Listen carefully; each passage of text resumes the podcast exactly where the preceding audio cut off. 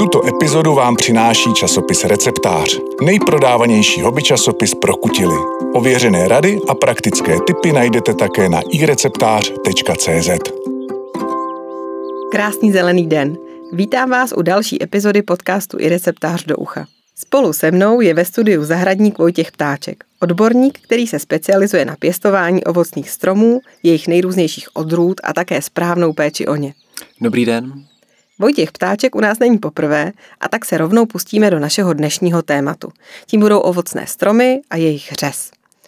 O samotném řezu se asi vedou věčné spory. Jak to tedy je? Řezat, neřezat vůbec nebo něco mezi tím?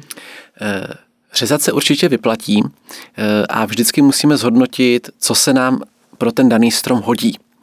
E, čili jinak budeme přistupovat k mladému stromu, kde ten řez určitě potřebujeme udělat, takzvaný výchovný řez, a jinak naopak budeme přistupovat k prastarému stromu, který je letitý, je někde na zahrádce v rohu zahrady a naopak potřebuje spíš tak jako velmi eh, jemný řez, tak, abych, tak aby stále vypadal pěkně a plodil, ale přitom si zachoval to své kouzlo.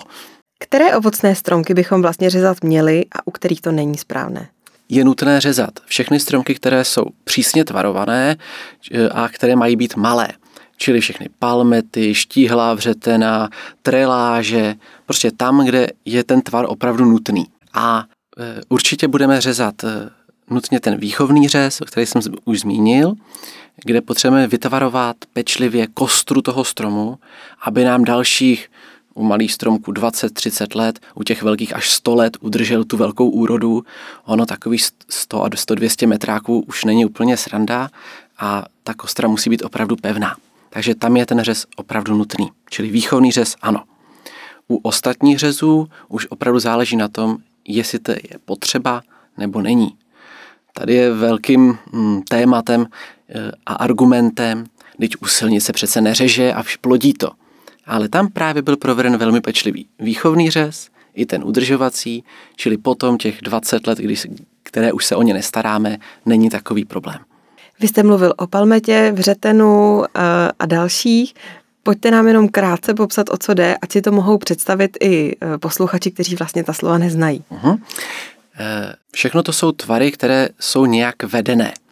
Asi si všichni dokážou představit třeba palmetu, kdy, si, kdy máte stěnu domu a na nějaké konstrukci, na nějaké treláži vlastně vyvazujeme a vedeme pečlivě větvičky, tak to je jeden z tvarů, kde opravdu potřebujeme ten řez dělat pečlivě, že tam, když řez neprovedeme, tak nám to zaroste a nebudeme mít nic. Potom další velmi moderní systém jsou štíhlá vřetena, kdy máte úzký tvar, který vypadá jako jehlán, ale nemá tak husté větve a i ty větve jsou pravidelně obměňovány. Čili není to klasický strom, tak jak se představíme s pevnou kostrou, ale i ty tlustší větve jsou jednou za čas obměňovány a nahrazovány, protože nejplodnější jsou ty nejmladší a nejživější větve. Naše epizoda se vysílá koncem února a to je často chvíle, kdy majitelé zahrad poprvé po zimě vyrazí k ovocným stromkům a připraví se na jejich řez. Kdybychom se do něj měli správně pustit? Do řezů je dobré pustit se u jádrovin, čili jabloně, hrušně, určitě v zimě nebo v předjaří. Eh, když máme těch stromů hodně, klidně můžeme začít už v tom listopadu, prosinci, jako padnou listy. Pokud jich máme málo, chceme opravdu to udělat co nejlépe, tak stačí nějaké předjaří, nějaký únor, březen, který je dobrý tím, že už je to začátek vegetace, ty stromy se probouzí, nehrozí mrazíky, čili ty stromy dokáží dobře zareagovat. Naopak u peckovin, u kterých vzniká nejvíce omylů, co jsem si zatím vypozoroval, tak řežeme ideálně okolo doby květů, čili těsně před, těsně po, eh, ono je to příjemnější i psychicky, protože ořezat ty větve, které krásně kvetou, to málo kdo má, to má srdce. Takže řezat před nebo po. Když to nestihnete a skončíte až někdy v květnu, červnu, vůbec nic se neděje. Ty stromy to dá, zvládají a je to pro ně i stále dobré, neboť mají zbytek vegetace na to, aby tu ránu zahojili. Zatímco ty jádroviny, tak ty, když ořežete v zimě, tak se vůbec nic neděje, oni to krásně zahojí i tak. Jak se řeže ořešák? E, ořešák je taková mm, zahrádkářská hádanka, protože slovo ořech evokuje, že to je oří ořech, ale botanicky je to peckovina. A stejně k tomu musíme i přistupovat. Čili řežeme až za vegetace, v době, kdy ty pří, nové přírůstky jsou okolo délky nějakých 10-15 cm.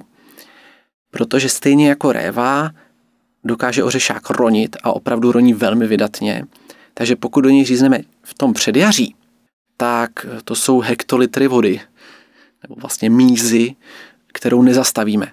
Čili když provedeme velkou řeznou ránu, bude z toho téct, téct, téct a ten strom se velmi, velmi oslabí. Takže na to pozor a řezat radši až za té vegetace. Co když je teplá zima, podobně jako letos, ale pořád můžou přijít mrazy? Neublíží to už ořezaným stromům? Tam je podstatné neřezat v době, kdy mrzne. Pokud ořežete, když je okolo nuly, lehce nad nulou a teplota v noci spadne třeba k minus dvou, minus čtyřem, tak ta řezná rána už to zvládne. Ty stromy s tím počítají. V zimě mohou přijít sněhy, zlomí se, ta příroda s tím počítá. Takže to zvládne. Takže nemusíme se toho bát. Větší škodu můžeme napáchat, pokud ten řez provedeme buď to v nesprávnou dobu, a nebo naopak, když je to dřevo úplně zmrzlé. Jo, pak když řežeme pilkou, tak vzniká velké teplo a ten tepelný, to tepelné poškození je výrazně horší než samotný mráz do té rány.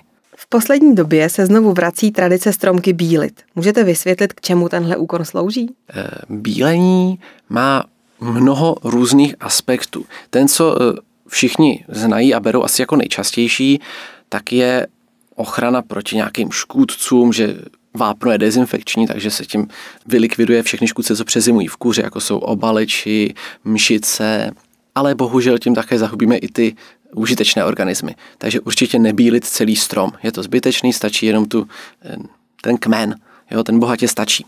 To je jeden z důvodů. Druhý, který někteří využívají, když do toho přimícháme třeba ještě trošku jílu, tak pak to eh, chrání i proti okusu. Že přece jenom, když těm zajícům nebo srenkám chroupe ten jíl, písek mezi zubama, tak z toho taky nejsou nadšený, takže se jim to nelíbí. A potom je třetí důvod, eh, který je podstatný třeba u meruněk a jiných peckovin, kde potřebujeme oddálit začátek vegetace. Protože bílá barva odráží sluneční svit, čili kmínek se tak silně nepřehřívá a díky tomu nezačíná vegetace tak brzo pro ten stromek. Ne, že by to byl třeba o týden, ale ono i ten jeden den, o který se to třeba posune, udělá hodně.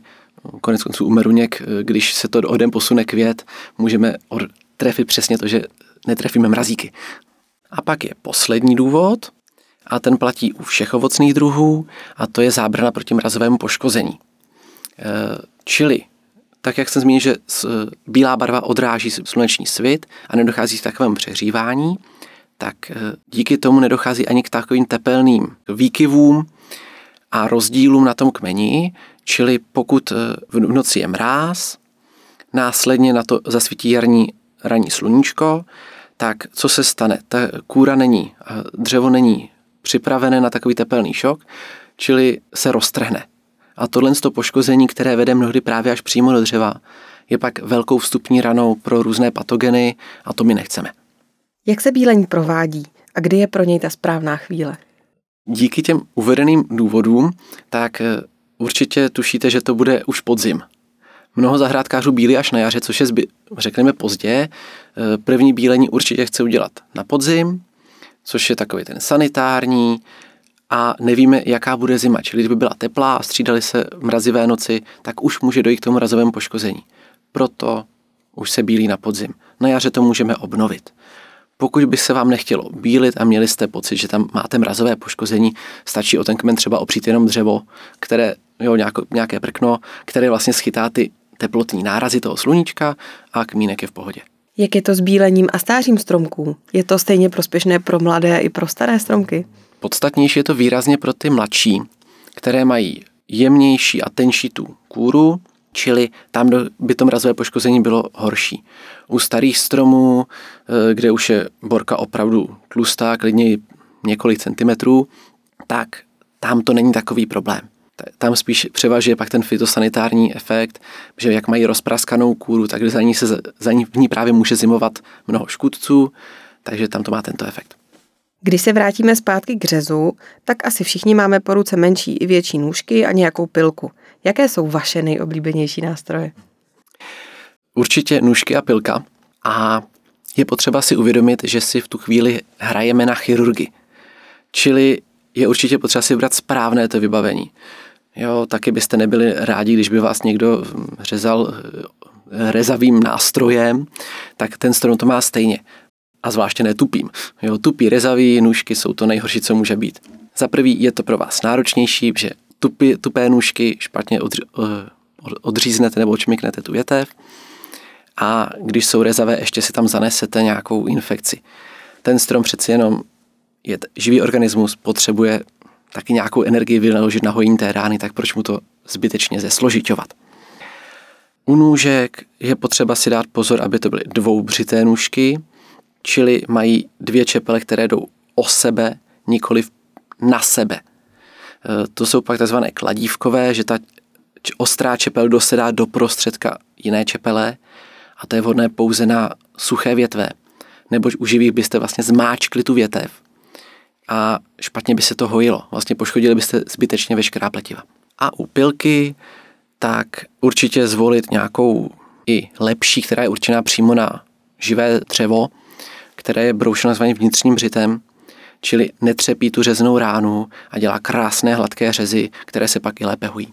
Existuje něco jako jediný správný postup pro řez? Jediný správný neexistuje protože každý strom, každá dřevina roste individuálně a musíme k ní tak přistupovat. Takže když bych měl vzít postupně jednotlivé body, na které se zaměřit a na co dávat pozor, tak tam máme stanoviště. To hraje první velkou roli, když bychom chtěli vůbec řezat. Musíme si zhodnotit, jestli tam je dostatek vody, naopak jestli tam je sucho, dost, eh, dostatek živin, jestli tam je teplé podnebí nebo naopak chladnější, jako jestli to je mrazová kotlina. To taky bývá problém díky aktuální zástavbě, živým hustým plotům. Jo, betonové ploty jsou teď velký problém, tam se vám ten mráz krásně zasekne, takže dochází k většímu poškození. Tohle všechno musíme v rámci stanoviště zohlednit. Další co, tak věk stromu, jinak budeme přistupovat k mladému stromu, kde provádíme ten výchovný řez, jinak ke stromu v plné plodnosti, který nazýváme řezem udržovacím a jinak už k přestárlému stromu, kde provádíme řez zmlazovací. Jo, to je pak ten hlubší zásah, kdy zmizne třeba půlka koruny. Dalším aspektem je zdravotní stav stromu, jak hodně je napadán padlým, jestli tam byl velký infekční tlak mšic, které svým sáním poškodí ty výhony, čili jsou různě deformované, zakroucené nebo naopak zdvojené.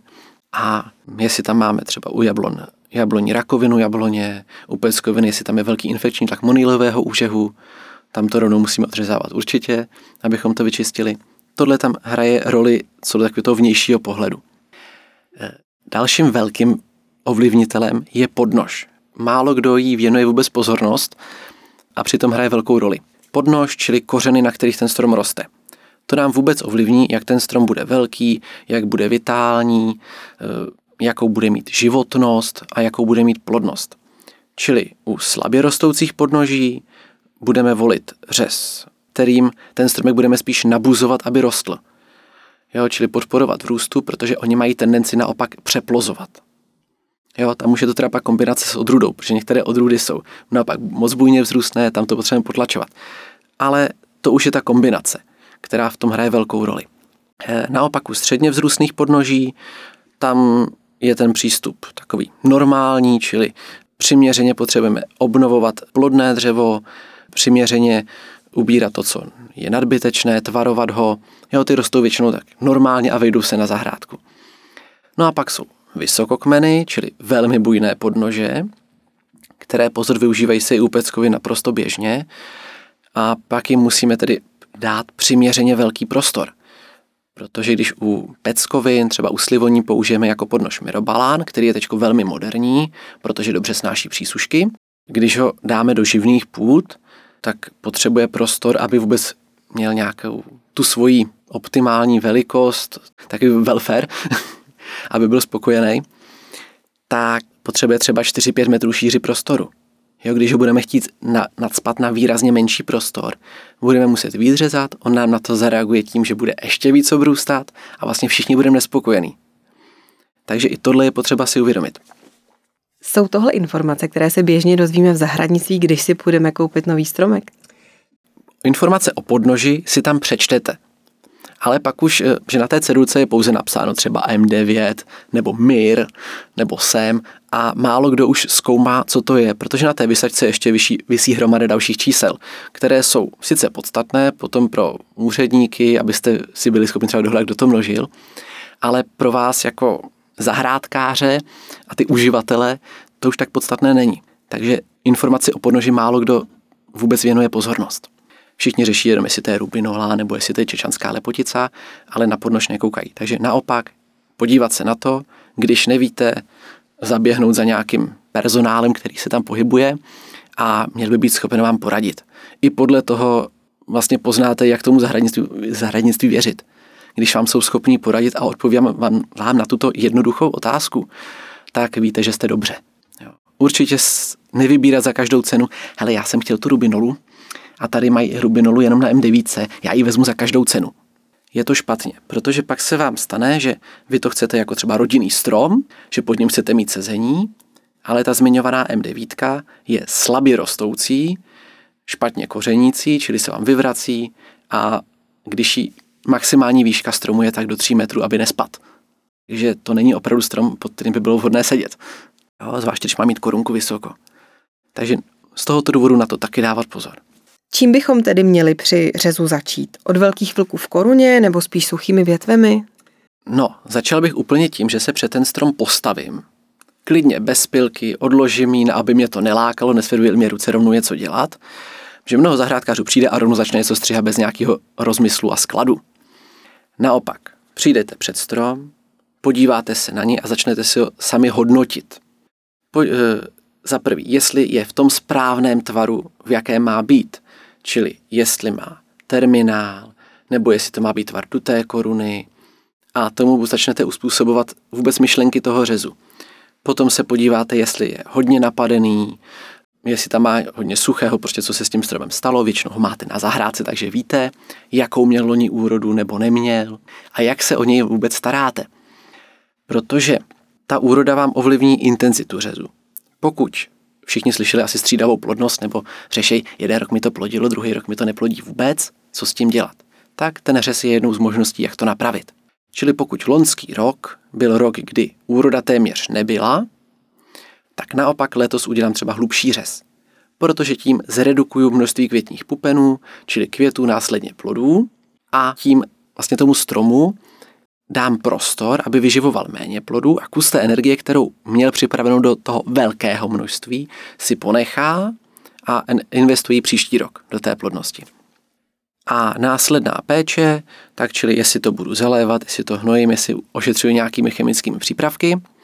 Pokud ani jedno z toho nedělám, budu ten řez také dělat jinak, že vím, že ten řez musím provést hlubší, aby byl ten strom vzdušnější a nebyl tak náchylný na různé choroby. Tak, když jsme se na ten strom takto podívali komplexně, tohle nám prošlo hlavou, tak začnu řešit už ty jednotlivosti. Čili vyberu si terminál, pokud je to teda strom s terminálem, čili s jednou jedinou špičkou nahoře. Nejvyšší výhon a postupuji pohledem dolů. E, tak, aby mi vznikaly nějaké větší prostory, kudy mi může proudit vzduch a hlavně tam může slunce. Kam nechodí slunce, tam chodí lékař. Platí to jak u rostlin, tak u lidí. Takže máme to stejné.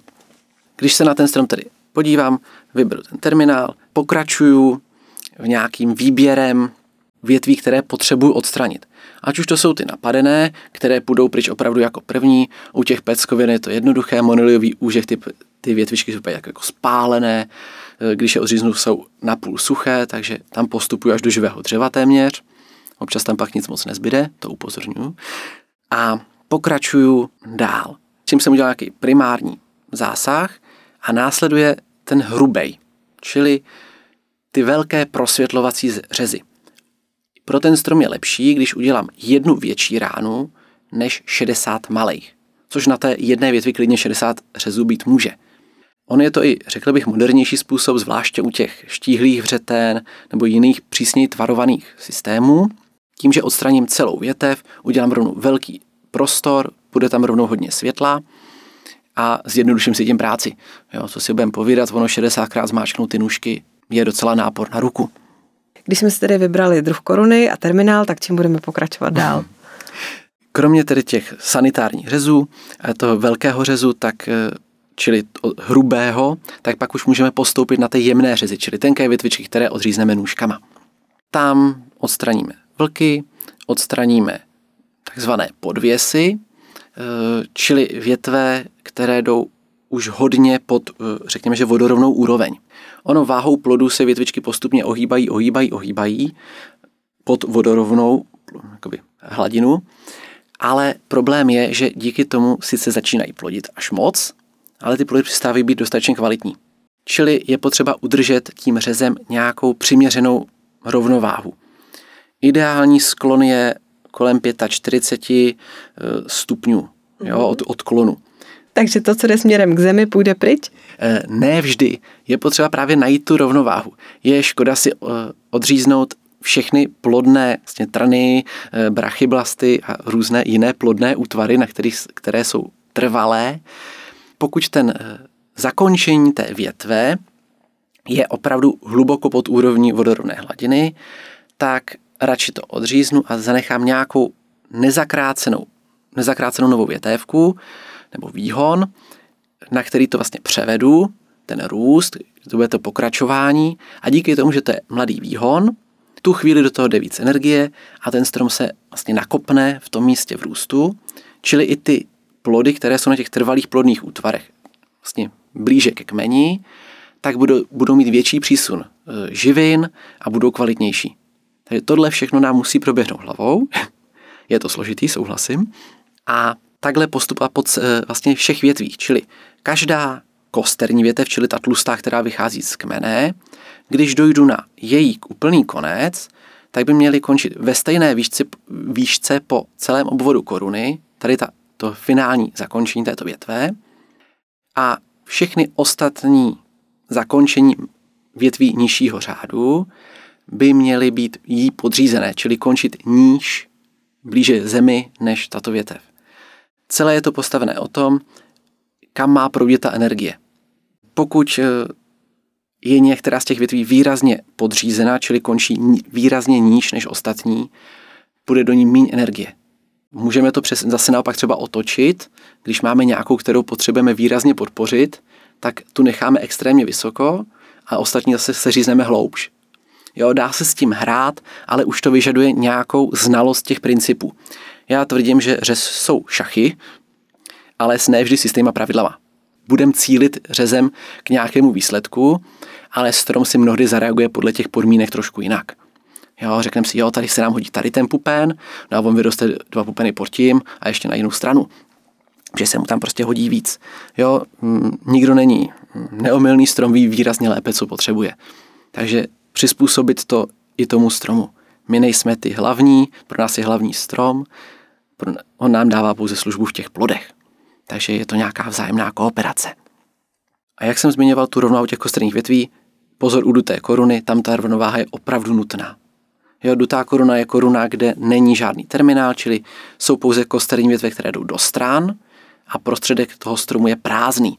Má to sice výhodu, že ten strom je velmi osluněn, i prostřed koruny, takže krásné plody, ale všechny ty kosterní větve jsou pro strom hypotetickým terminálem. Je výrazně víc potřeba udržet tu jejich rovnováhu. Jinak si strom vytvoří jeden terminál z té kosterní větve a vlastně je to hm, zbytečně se převažuje na jednu stranu. Už jste trochu mluvil o mladých přírůstcích, menších větvičkách. Kde bychom měli správně vést řez na nich, kromě těch, co jdou dolů, případně vybočují? Pokud řez provádíme, tak nejlepší je, když vedeme řez na nějakou další větvičku nebo mm, větší, silnější pupen, mm, plodný, plodný, plodný tren nebo nějakou jinou eh, nezakrácenou část stromu, protože tím eh, docílíme eh, plynulejšího toku mízy.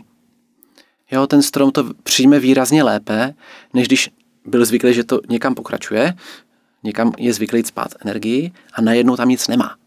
On musí překopat úplně veškerý eh, fitohormonální buněční struktury.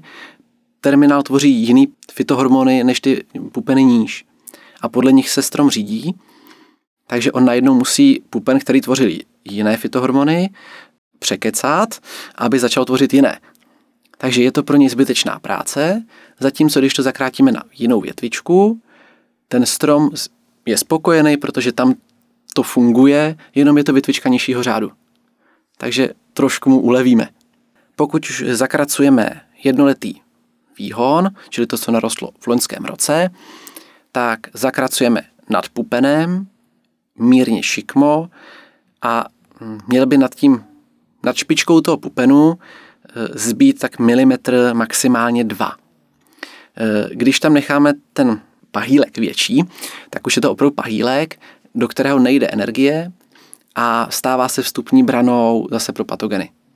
Jo, když to je třeba u révy, která, kde ten točení obrostu výrazně větší, tak tam to nevadí. Tam naopak ty pahýlky opravdu necháváme. Zdůrazně slovo pahýlky. Ale u ovocných dřevin jako takových je lepší ten řez provádět pokud možno precizně, zvláště při těch výchovných řezech. Když si představím pupen, tak řez vedeme jakoby za ním mírně šikmo. Jo? Důvod je ten, že ta energie pak bude mít přirozenou tendenci zahýbat do toho pupenu. Jo? A nebude tam ta patka té roviny, která je také vlastně hluchá co do pohledu energie a hojení.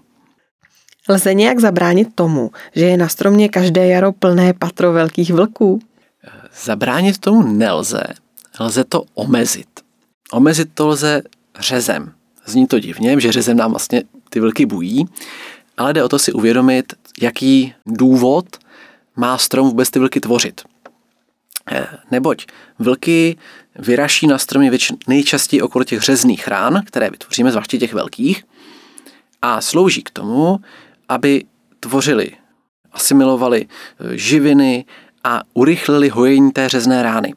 Taky když se podíváte na tu řeznou ránu, necháte tam ty vlky a budete ji sledovat, tak zjistíte, že okolo těch vlků do stran se rozšiřuje ten kalus, taková, takový ten zával.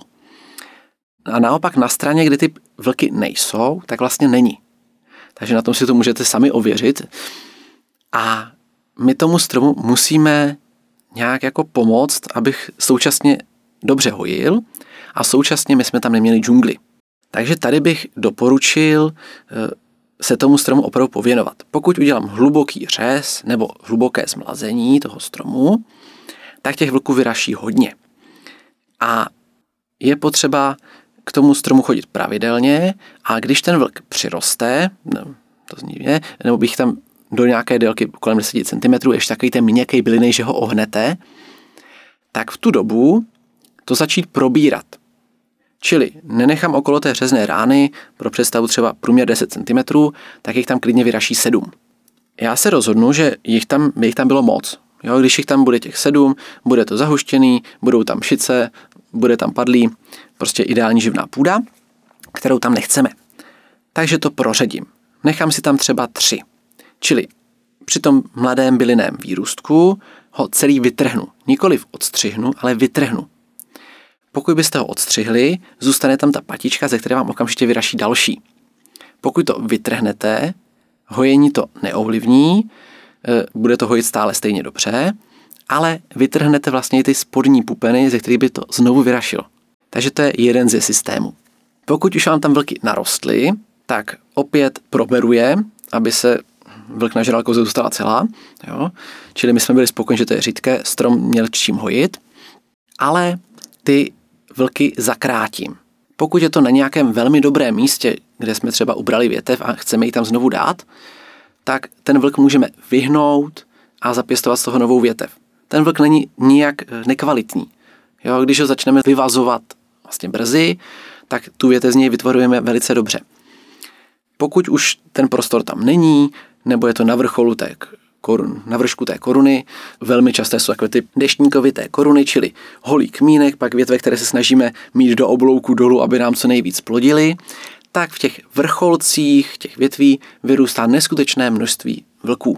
Čili ten strom se snaží nahradit si terminál. Tam to ovlivníme tím, že jim tam nějaký terminál necháme. Že pokud strom má terminál, je spokojený, ví, že tam je a zase trošku omezí množství těch vlků.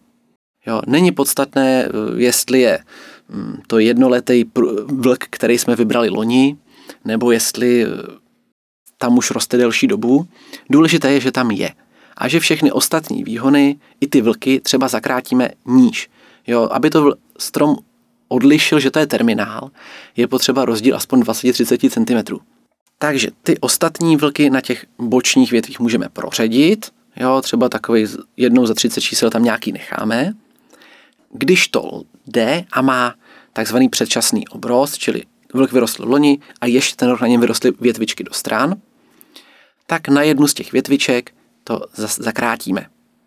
Tím, že ta větvička roste vodorovně, pomalu tam proudí energie, začíná to nastupovat do plodnosti, čili sice bujná energie vlku, ale ta větvička to skrotí. Takže tolik neobrůstá. Stejně tak neobrůstá ani pod ním. Pokud už tam eh, tady ten předčasný obrost není, tak eh, vlk zakrátíme, já doporučuji třeba jenom na nějaký dvě očka a on sice proraší znovu, ale proraší jenom ty dvě očka eh, a my máme šanci příští rok to vystřihnout, ten silnější výhon, který je ten dominantnější a ten spodnější bývá slabší. Čili ho tam necháme, on se většinou vytvoří na konci květní pupen a tím se sklidní, že začne plodit. Jo, je to taková, takové hraní si s těma energiema. Či, čili pokud okolo řezné rány vyrostou i nějaké tenké, tak je tam ponecháme a vystřihneme jenom ten silný.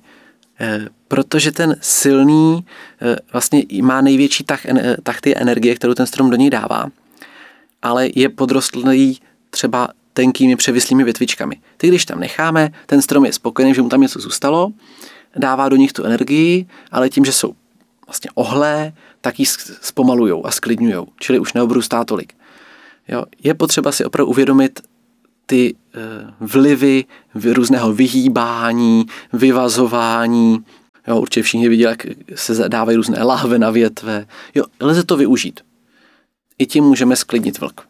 A co když tvarujeme citlivěji? Jak moc si můžeme dovolit do koruny zasahovat? E, zajímavá je ta definice citlivého řezu, že každý to bude vnímat úplně jinak.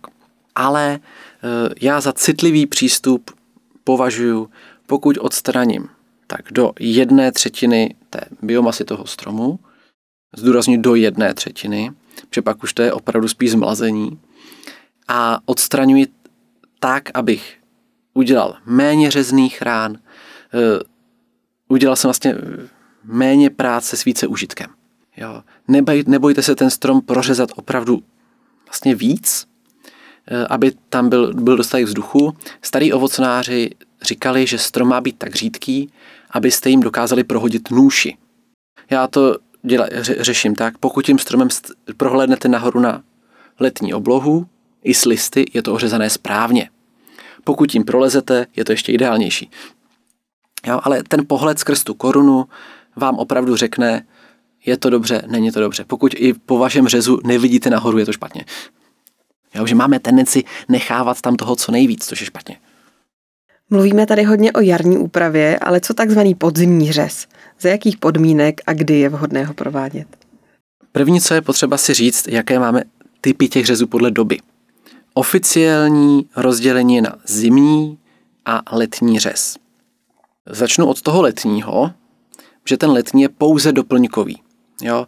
E, občas s ním můžeme nahradit nějakou kousek toho zimního, když jsme ho to nestihli, ale má sloužit pouze k tomu, abychom po provedeném zimním řezu vyřezali vlky, e, nějaké přebytečné výhony, které v tu chvíli neplodí a abychom docílili lepšího oslunění těch stávajících pupenů, které se v tou dobou zakládají, čili zlepšíme si kvalitu produkce na příští rok a dojde i k lepšímu oslunění stávajících plodů, čili zase kvalitnější výnos v tomto roce. Ale podstatnější je ten řez zimní.